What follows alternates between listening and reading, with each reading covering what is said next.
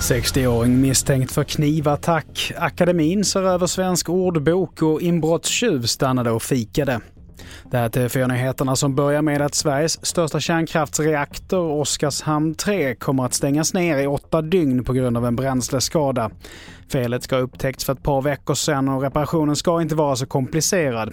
Reaktorn stängs av från och med nu på fredag och hur det kommer påverka elpriset är i nuläget oklart.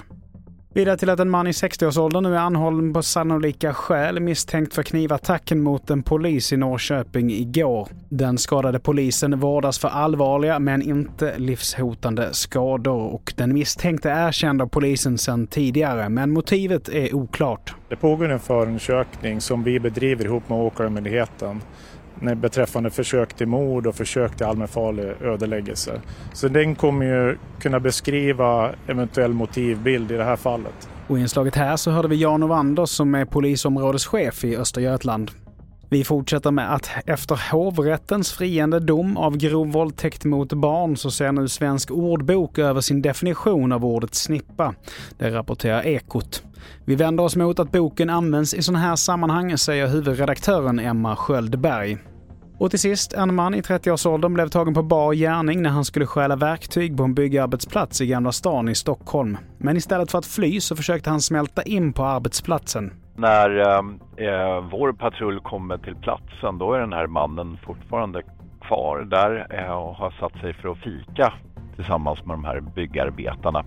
Den här mannen han omhändertogs av patrullen då han var påverkad av någon substans eh, och dessutom så var han eftersökt eftersom vi ville höra honom om ett annat ärende. Och i inslaget här så hörde vi Daniel Wikdahl som är presstalesperson för polisen.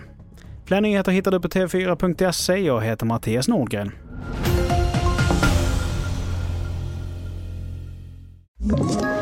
Ett poddtips från Podplay. I fallen jag aldrig glömmer djupdyker Hasse Aro i arbetet bakom några av Sveriges mest uppseendeväckande brottsutredningar. Går vi in med hemlig telefonavlyssning och, och då upplever vi att vi får en total förändring av hans beteende. Vad är det som händer nu? Vem är det som läcker? Och så säger han att jag är kriminell, jag har varit kriminell i hela mitt liv men att mörda ett barn, där går min gräns. Nya säsongen av Fallen jag aldrig glömmer på Podplay.